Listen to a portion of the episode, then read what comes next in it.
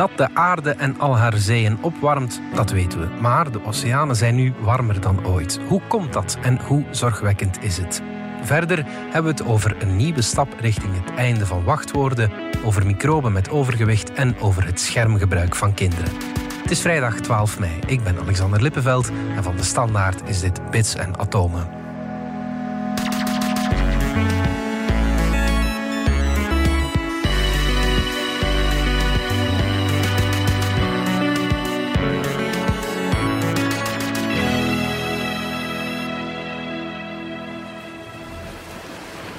Technologiejournalist Dominique Dekmijn en wetenschapsjournalist Tom Isebaard. Tom, de oceanen warmen op, dat uh, weten we, maar ze zijn warmer dan ooit. En het is wel een groot verschil met ja, anders. Ja, uh, wetenschappers hebben sinds eigenlijk begin maart tot, ja, tot, zeg maar, tot vandaag vastgesteld dat uh, dus de gemiddelde oppervlaktetemperatuur van alle oceanen in de hele wereld een stuk warmer ligt dan, dan, dan we ooit gemeten hebben. En ooit gemeten is wel relatief. Ze doen dat eigenlijk nog maar pas sinds pak 1980, dus nog niet zo gek lang. Oké, okay, maar dus toch al, al, al eventjes. Enkele decennia. Ja, ja. Ze doen dat ja, met, met, met boeien, met, uh, ook met satellietmetingen. Dus dat op verschillende manieren uh, wordt dat geregistreerd. Mm -hmm.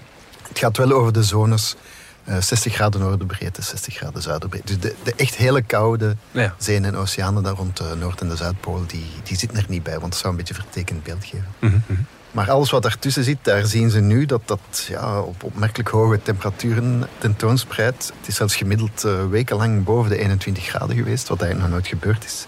Dus dat is ook al een record. Hoeveel meer is het dan? Ja, dat is dan twee tiende van een graad. Dat kan weinig lijken, maar het gaat over een gemiddelde over heel de wereld. Dan is dat wel niet onaanzienlijk. Ja, ja. Dus ja, heel veel uh, onderzoekers schieten al in een kramp. Uh, klinken al onheilspellende berichten van wat is er hier aan de hand. Uh.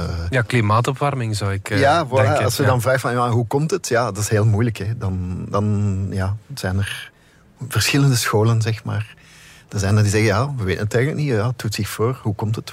Dat zal later moeten blijken. Nog meer onderzoek nodig. Mm -hmm. Die blijven voorzichtig. Anderen roepen meteen, ja, de opwarming van de aarde, klimaatverandering. Het kan niet anders, want we zien geen andere mogelijke verklaring. Ja, wat is het nu? Wie zal het zeggen?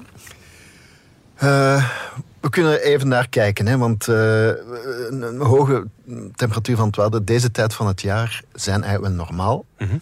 Hoe komt dat? Omdat, ja, we spreken over de wereld, dus ook over het zuidelijk halfrond. Daar is het nu zo, net zomer geweest. Mm -hmm. Dus daar heeft het water de tijd gehad om op te warmen. En in het zuidelijke halfrond is ook veel meer water dan, dan in het noordelijk, in ons deel van de wereld. Ja. Dus het is normaal als je dat gemiddeld over de hele aardbol bekijkt, dat, dat deze periode het water het warmst is. Dat, dat is een jaarlijks weerkerend fenomeen. Maar nu ligt het dus nog een beetje hoger dan uh, de vorige jaren en zelfs hoger dan het warmste jaar 2016. Daar lagen we al boven. Dus dat, dat doet bij sommigen toch al wat alarmbellen afgaan. Mm -hmm. Nu, als je dan op zoek gaat naar uh, verklaringen, dan hoor je hier en daar het woordje El Niño vallen. Ja, dat is die... Dat is een bekend weerfenomeen. Ja, ja, ja, El Niño, de naam, dat betekent eigenlijk het, het dat Spaans natuurlijk, het kindje. Of, Ja. uh, dat, is iets dat zich normaal uh, op zijn toppunt is. Rond kerstmis, het kerstekindje El Niño, daar komt de naam van. Dat is dus een weerfenomeen, uh, typisch ook voor het zuidelijk halfrond, eigenlijk rond de Evenaar. Vooral voor de kust van Ecuador, Peru, daar begint dat in de Stille Oceaan. En dan strekt het zich uit ja, richting Australië, zeg maar. Toch wel 10.000 kilometer. Dat is dus een, een, een gebied waar het water ofwel wat warmer is ofwel wat kouder is. Is het warmer, dan is het El Niño. Er zijn ook jaren dat het wat frisser is. Dan noemen ze dan La Niña. Nou ja, de vrouwelijke tegenhanger. Ja, dat, dat, om, om, de zoveel jaar uh, wisselt zich dat af. En we hebben nu de afgelopen drie jaar een La Niña gehad, dus het is wat frisser geweest. En nu zeggen alle waarnemers, er komt een El Niño op ons af. Mhm. Mm. Dat betekent dus warmer water. Maar eigenlijk zou dat nu nog niet mogen zichtbaar zijn. Dat begint pas ja, in juni, juli, zo, dat dat goed zichtbaar wordt. En dat duurt dan wel maanden. Dat kan 6, 7 tot 12 maanden duren, zo die periode. En het hoogtepunt ligt tussen hè, het kerstekindje, december. Dus sommigen zeggen, dat kan het niet zijn, hè, want die, die El Niño is er nog niet. Die, die, maar anderen zeggen dan weer, ja, maar hij komt gewoon vroeger. Het, is, zijn, de, het zijn de voortekenen, een, een opwarmertje, zeg maar. ja. ja, daar zijn we eigenlijk nog niet uit. Maar dat kan ook niet alles verklaren, want ja, dat gaat dan over één strook stille oceaan. Terwijl we zien dat het op heel veel plaatsen warmer is dan normaal. Ook in Noordelijk halfrond, ook in de Atlantische Oceaan, voor Spanje bijvoorbeeld, zien we ook dat het oceaanwater merkelijk warmer is dan gewoonlijk. Dus er moet toch inderdaad toch nog iets meer aan de hand zijn dan dat. Mhm. Maar die El Nino is natuurlijk niet onbelangrijk, want ja, dat eh, doet zich voor daarvoor Zuid-Amerika, eh, een stuk richting Oceanië. Maar dat is een weerfenomeen dat wel heel veel impact heeft, ook elders in de wereld. Ja. In Europa is het effect iets minder, dus het is niet zo dat we hier in België daar veel van gaan voelen. Maar eh, ja, de VS, Australië, Indonesië, tot Japan, enfin, heel Zuid-Amerika, kunnen daar de gevolgen... Het kan dan warmer of, of kouder zijn, natter of droger. Dus een El Nino betekent wel iets. Hè, dus dat kan grote klimaatgevolgen hebben. Dus als dit daarvan de voorbode is, en hij wordt nog sterker dan wat we nu al zien, snap je dat er mensen een beetje ja. zich zorgen maken van oei, wat gaan we nu meemaken? En komt het er nog bovenop? Gaat het nog erger zijn? Gaan de, uh, nog meer extreem weer? Enzovoort. Dus uh, vandaar een beetje de, het het onheilspellende van, uh, wat we daar zien. Dus moeten we ons hart nu al vasthouden voor, uh, voor de zomer? of, of, Dat is heel moeilijk. Ook daar, je hebt heel voorzichtig. Want warmere oceanen, dan denk je ja, meer wolkenvorming, meer, uh, weer, meer extremer weer. Ja, sommige streken heeft dat dan droogte. Of, en, en, bosbranden in Australië. Dus het, is heel grillig. Hè. Het weer is nu helemaal grillig. Komt dat eraan en gaat het erger worden dan, dan anders? We weten het eigenlijk niet. Hè. Want ja, dat zullen wetenschappers die een beetje voorzichtiger zijn ook zeggen van laten we het maar afwachten wat het wordt. We zullen het wel zien. Mm. kan ook een mm. gewone El Nino worden. Of misschien blijft hij gewoon uit. Mm. Dat hij nu per se erger wordt, omdat nu het water al zo warm is, dat is echt, dat is echt niet te voorspellen. We kunnen dat niet zeggen. Maar waakzaamheid, waakzaamheid bij klimaatwetenschappers ja, is, is geboden. Ja. Er was deze week ook nieuws dat uh, de grens van anderhalve graad die we ja, proberen niet te overschrijden in de klimaatopwarming, dat we die al redelijk binnenkort gaan, gaan bereiken. Ja, en daar zou die El Nino dan een rol kunnen inspelen. Hè? Want er wordt gezegd van uh, El Nino kan de globale temperatuur met 0,2, 0,25 graad uh, gemiddeld over heel de wereld doen toenemen. En als je dat optelt bij de opwarming die al gaande is, ja. Dan is het dan maakt niet dat denkbaar dat we sneller die drempel in een El Nino-jaar zullen overschrijden. Dus als je het zo bekijkt, is, is enige bezorgdheid misschien wel, uh, wel gewettigd. Ja.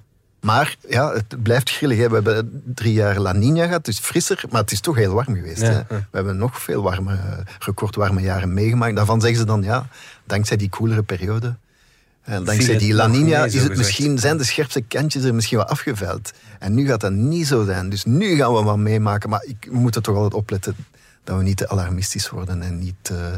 Te doen, denkerig. Ja. Zullen we maar eerst afwachten of hij zich doorzet, uh, ons kersenkindje, en dan zien, uh, okay. zien wat het geeft. Goed.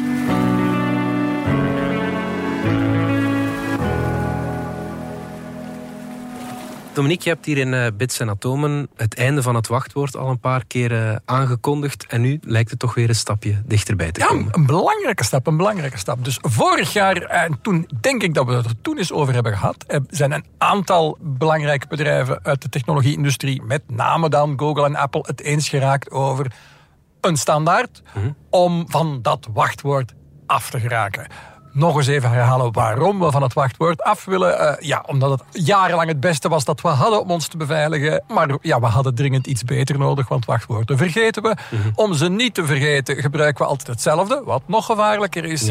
Onveilige wachtwoorden, herhaalde wachtwoorden.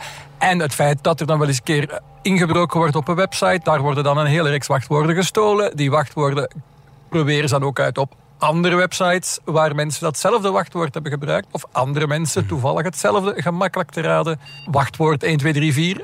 Ja. wachtwoord, die dingen. Uh, je krijgt dat niet echt goed. Enfin, er zijn een aantal uh, labmiddelen. Hè. Een van die labmiddelen is, je hebt een wachtwoordmanager, zoals OnePassword, uh, ja. waar dat je dus uh, voor elke website een speciaal wachtwoord laat genereren, dat altijd verschillend is mhm. en dat moeilijk te raden is. Dat is een labmiddel. Dan heb je een iets wat beter labmiddel, maar het kost uh, wat extra tijd, is dat je er een tweede factor aan toevoegt. Dat je ook nog eens zo'n codetje in zo'n app als uh, Google Authenticator op je smartphone moet intikken. Mm -hmm. uh, maar dat vinden mensen...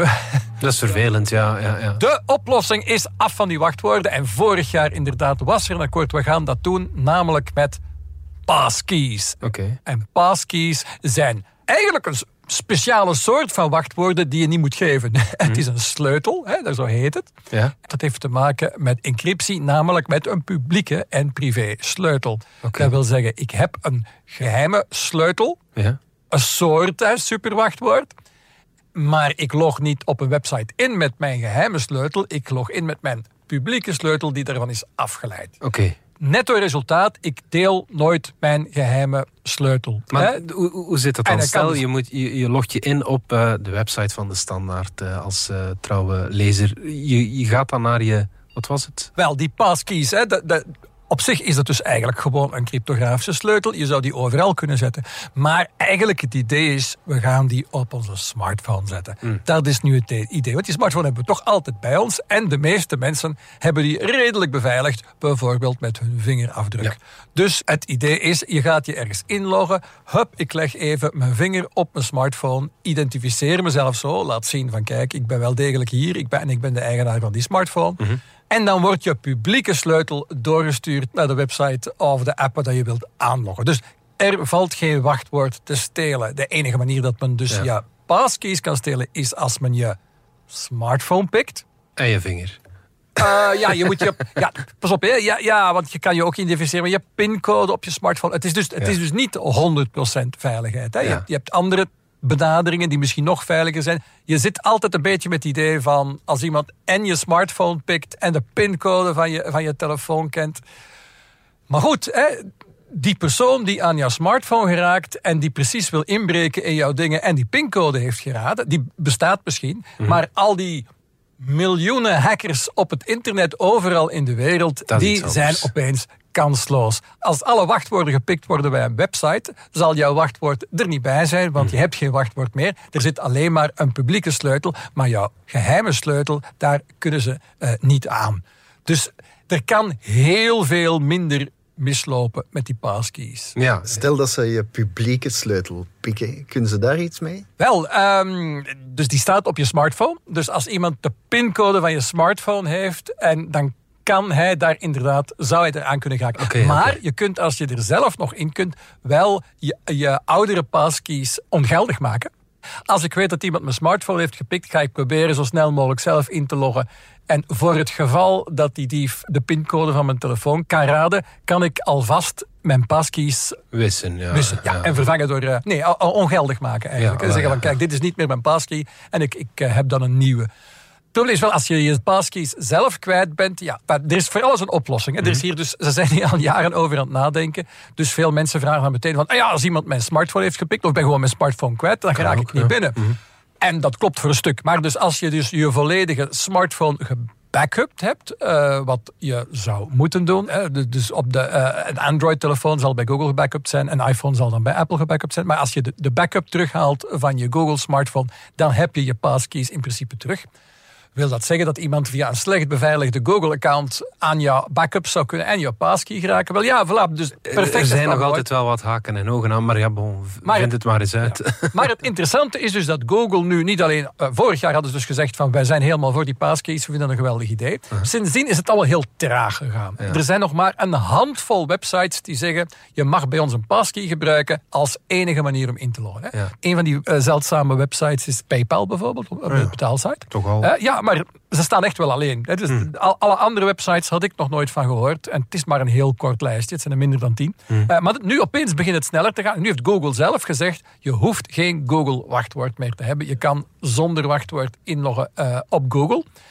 Ondersteunt het dus ook vanuit de Chrome-browser op je Android-smartphone. Kun je dan overal anders je passkeys gebruiken.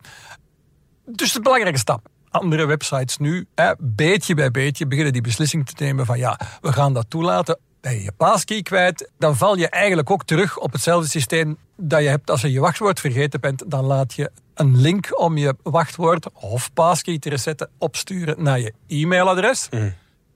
Waar je natuurlijk weer op neerkomt, en dat is bij veel van die beveiligingssystemen zo, dat alle beveiliging maar zo goed is als de veiligheid op dat e-mailadres. Maar dat e-mailadres kan bijvoorbeeld een Gmail-adres zijn. En dat En dat is Gmail kan je nu met een passkey beveiligen. Dus De, de, de, de, de zwakste link wordt wat sterker. ja, precies. En, en, en dat is heel belangrijk. We zijn er nog niet. Maar het voorbeeld is nu gegeven. Die richting was eigenlijk vorig jaar al ingezet. En we gaan daar naartoe. Wachtwoorden zullen verdwijnen. Zullen vervangen worden door die passkeys. Vroeg of laat. Oké. Straks hebben we het ook over hoe microben tegen de kilo's vechten. Maar eerst gaan we even uit voor reclame. Zit productontwikkeling in je DNA? Kom dan naar Advanced Engineering op 4 en 25 mei in Antwerp Expo. Laat je inspireren door 100 exposanten met innovaties in design, materialen, elektronica en keynotes van Microsoft, Atlas Copco en DAF Trucks. Ontdek er ook de laatste trends in AI, VR en product design.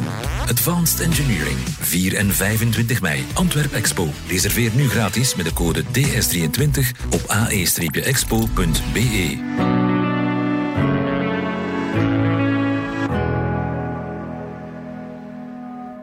Tom, we moeten ons zorgen maken over het BMI van uh, microben. Vertel. Ja, voor ons zorgen over moeten maken. Maar ja, obesitas, zwaarlijvigheid, uh, ik moet het u niet vertellen, misschien. Maar... Uh... ja. Ik weet dat ik een beetje dik sta, Tom, maar we komen net uit de winter. Dus, uh... Alexander, jij en ik, we staan een beetje dik. We komen uit de winter. nee, maar het is, het is, het is, het is een probleem. Ja. Soms wordt het een epidemie genoemd. Ja, in Europa zou de helft van de volwassenen toch overgewicht hebben, ja, dat is een beetje te veel. Ik, ik, me ja, ik kan, ja, kan er mij ook in herkennen. Ja, ja. Uh, obesitas is nog een beetje erger, maar goed, te veel mensen hebben er last van dan goed is. Ja, en we kennen de reden, hè. we weten te veel en vooral te ongezond. Uh, vet en suiker, uh, al die dingen die zo aantrekkelijk zijn. En ja, te weinig vezels en vitamines, de goede dingen. Ja, junkfood, hè het, is, uh, het oefende een enorme verlokking op ons uit. Maar we Helaas zijn daarin niet alleen. Okay, ja. Want er zijn nog andere schepsels op deze wereld die er ook last van hebben. En niet van de minste, of misschien net wel de minste. Want uh, de microben, dus de micro-organismen zeg maar, die hebben er blijkbaar ook wel last van. Ja, microben, denk dan aan uh, bacteriën, schimmels bijvoorbeeld. Of, de hele kleine, niet altijd met het oog zichtbare wezentjes. Mm ze hebben die hun eetgedrag ook eens bekeken. Ja, waarom niet? Hè? Uh, het was een onderzoek van het uh, Nederlandse Instituut voor Ecologie. Die hebben dat eens bekeken. Waarom doen zij dat? Ja, uh, ze kijken naar micro-organismen in de bodem eigenlijk. Want daar er zit nog heel veel in. Miljarden in, in, een, in een, een, lepeltje, een lepeltje grond, zeg maar. Dus, en, en die zorgen ook dat die bodem gezond is. een gezonde bodem heeft heel veel micro-organismen die daar hun gang gaan. En mm een van die dingen die ze daar doen is ook ja, eten. Hè. Die eten resten op van planten. Die zorgen dat die ook verteerd raken, dat die afgebroken raken. En die, die zetten stoffen om in, uh, in andere stoffen die dan weer eetbaar zijn voor, voor planten enzovoort. Dus ja, Heel, heel dat ecosysteem, die, die, die, die spelen daar een grote rol in. Maar tot nu toe dachten we dat bacteriën, dat dat een beetje armoezaaiers waren. Hè? Dat die in die barre omstandigheden, dat dat, die er allemaal, uh, dat dat letterlijk magere beestjes waren. Die op zoek waren naar een een beetje voedingsstoffen en zich daarmee dan konden voorplanten en dat het daarbij eigenlijk bleef. Dat die al hun energie en hun voeding uh, daarin stopten, in, in dat zich voortplanten. Nu, dit, dit, onderzoek van die Nederlanders hebben het wel in, in Duitsland gedaan, in een landbouwbodem. Hebben ze die microben dan een keer van nader bekeken. En ze zagen dat die toch wel meer deden dan, dan puur eten om te overleven en om zich voor te planten. Dat die best wel van, eh, eh, een hoop van die voedingsstoffen gewoon opsloegen in hun, in hun lijf. Van het leven genieten.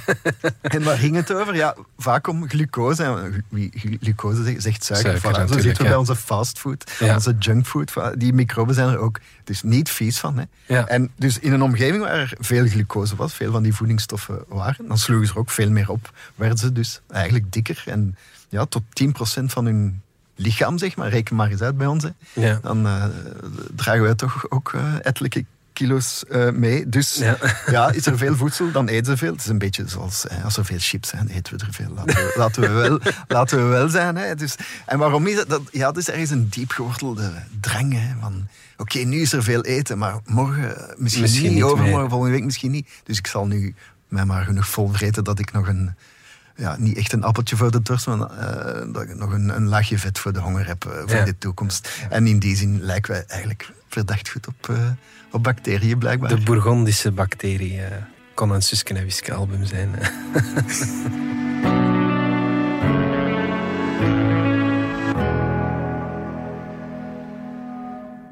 Dominique, het is voor uh, alle ouders wat een uh, zoektocht naar hoe ze hun kinderen laten omgaan met uh, smartphones en schermgebruik, laat het ons zo stellen. Maar er is een onderzoek, Medianest, dat uh, daar wat klaarheid in uh, schept. Dit, dit, is een bevraging bij ouders. Hè. Ze, ze, vragen aan ouders van welke media gebruiken uw kinderen en welke regels hanteren jullie daarbij.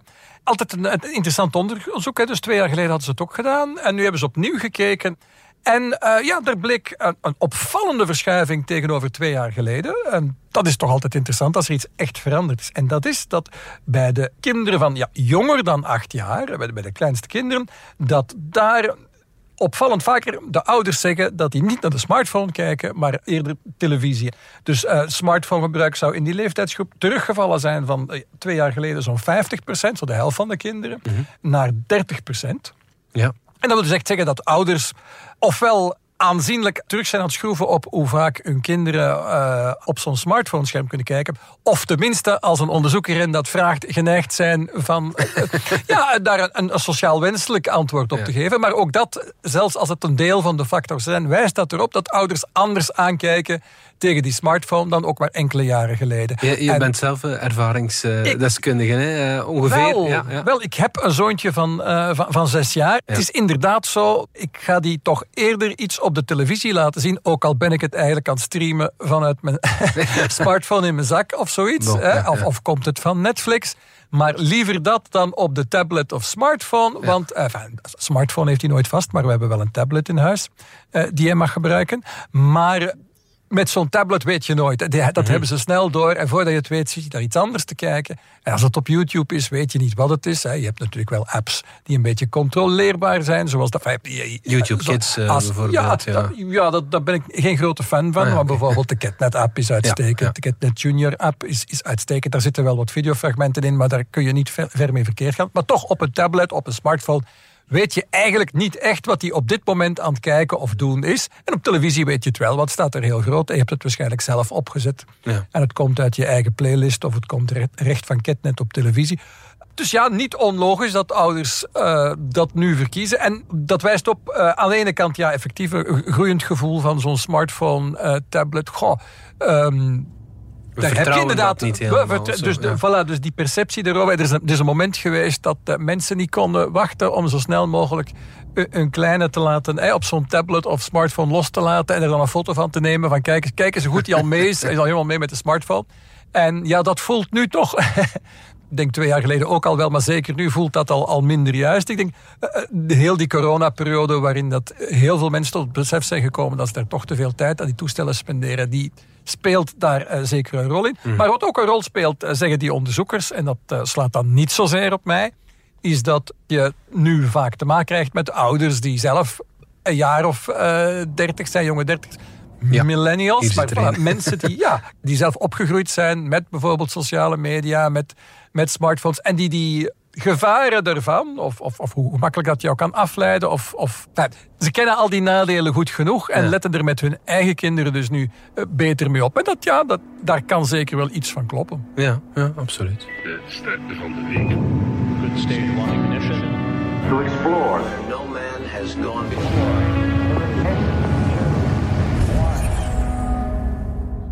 Tom, de ster van de week uh, tenslotte is een planeet die we redelijk goed kennen. Niet de onze, maar Mars. Ja, ja, we gaan nog eens naar Mars. Ja, leuk. Of liever, Mars komt naar hier. Hey.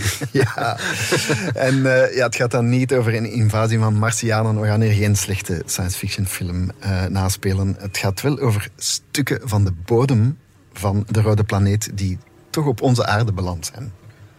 En wat zeg je nu? Hoe? Hoe kan dat nu in godsnaam? Hè? Het is behoorlijk ver, hè? Ja. 225 miljoen kilometer. Maar toch kan het. Uh, Mars staat net als alle planeten bloot aan de inslagen van asteroïden.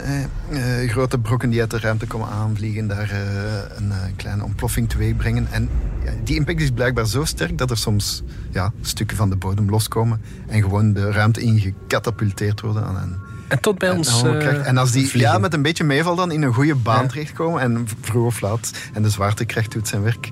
En ze komen, ja, en als ze dan ook uh, de doorreis door de, onze damkring overleven, kunnen zij gewoon op aarde neervallen. Ja. Het is al verschillende keren gebeurd. We hebben er, ik denk tot nu toe, een stuk of ja, 188 geteld van uh, meteorieten, zeggen we dan, die hier zijn neergekomen. En waarvan men heeft kunnen vaststellen dat zij wellicht van Mars komen. Oké. Okay. En is natuurlijk de volgende vraag van...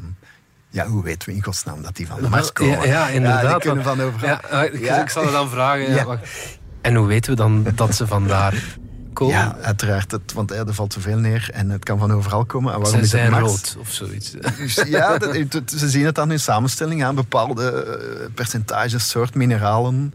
Eh, ook gas. Ze vinden daar dan gasbelletjes in. En dat is hetzelfde gas dat eh, die, die paar eh, ruimtetuigen die al tot Mars geweest zijn, onder andere de Viking in de jaren 70 van de vorige eeuw, heeft, is op Mars geland, heeft daar ook stalen genomen van het gas. En, en ze zien daar een gelijkenis in, in wat ze toen op Mars aangetroffen en dat in die stenen zeg maar opgeslagen zit. Dus men is daar vrij zeker in dat, dat ze wel degelijk van daar afkomstig zijn. Ja. En leren we er iets uit uit die Ja, natuurlijk. Wat, wat, wat, wat schieten we ermee op? Ja, ze zijn heel oud, om te beginnen. Mhm. We hebben er gevonden die 4,5 miljard jaar oud zijn. Dus dat, is, dat is behoorlijk lang. En ja, uiteraard houdt dat een beetje de geschiedenis van, van, van de planeet Mars in. Hè. Je kunt daar veel uit afleiden hoe Mars ontstaan is en dan geëvolueerd.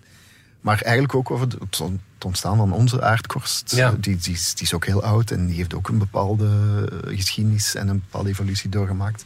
Geologisch dan. En ja, dat, dat zou ons ook over de eigen aarde wel iets kunnen leren. Waarom zitten de stenen van Mars in het nieuws? Wel, er is nu weer onderzoek geweest. Amerikanen vroegen zich af van, nee, maar wat moet er gebeuren hè, dat die stenen tot hier geraken? Dan moet er een enorme kracht op eh, uitgeoefend worden. En eh, ja, dan, dan, dan wordt het een beetje nerdy. Maar eh, vroeger dachten ze van, ja, het moet 30 gigapascal zijn. Maar nu hebben Amerikanen er met een kanon opgeschoten. Enfin, nee, ze hebben eh, met een kanon op aardse stenen geschoten. Die eigenlijk vergelijkbaar waren met, met Martiaanse. En dan hebben ze daar een enorme kracht op uitgeoefend. En dan gezien van, waren die veranderd van samenstelling. En dan, leek, dan leken die echt op die Martiaanse meteorieten. En hebben ze kunnen uit afleiden dat 20 gigapascal eigenlijk volstaat om, eh, om eh, van Mars weg, eh, weggeschoten te worden. Ja. Nu, dat is nog altijd heel veel, heel veel druk. Hè, want een, een beetje gewone luchtdruk is amper, wat is het, 1000 eh, en, een, en een beetje hectopascal. Hectopascal, hè. dus nog altijd heel veel, maar minder dan we voordien dachten. Ja. Dus dat is de nieuwe wetenschappelijke eh, bevinding. Maar Ja. we- leren we daar nog iets meer uit? Misschien wel. Uit dat soort bevindingen kunnen ze bijvoorbeeld afleiden van waar precies op Mars het afkomstig is. Het is, het is bijna onwaarschijnlijk als ze dat Ja. daaruit afleiden, maar het is zo. Want ze zien, een krater is zo groot, dat moet zo'n impact geweest zijn. Ah ja, op dus die die, kracht ontwikkeld. Dus die, en ze weten van één bepaalde Martiaanse steen, eh, met de mooie naam Black Beauty, die hebben ze ooit in de Sahara gevonden. Ja. Dat was een eh, knaap van ja, toch 300 gram. Oh ja. Dan kunnen ze met vrij grote zekerheid zeggen van die komt uit die krater, uit dat gebied, met name Terra Cimmeria Sirenum voor de Marskenners. Ja, die moet daarvan afkomstig zijn, want aan die samenstelling weten we dat die met dat soort kracht daar is eh, weggehaald of wegge, weggecatapulteerd. Kijk Dat eens aan. vind ik knappe wetenschap. 20 gigapascal. Dat is maar een klein steentje, hè, 300 gram. Ja, ja, en maar die er is, moeten we ook, nog een- vinden. er is nog een, een grotere Maar je moet dat er nog stenen. Ja, ja, ja. Er is ooit eens een Wauw. van 4,5 kilo gevonden in Indië. Dat moet een van de eerste geweest zijn. Maar ze hebben pas 100 jaar later gevonden eh, dat die van Mars kwam. Dus dat zijn de, de klassiekers in het, in het werkveld. Oké, top. Yes, we've got it. Dit was Bits en Atomen, onze wekelijkse podcast over wetenschap en technologie. Bedankt voor het luisteren. Alle credits van de podcast die je net hoorde vind je op standaard.be-podcast. Reageren kan via podcast.standaard.be. Volgende week zijn we opnieuw.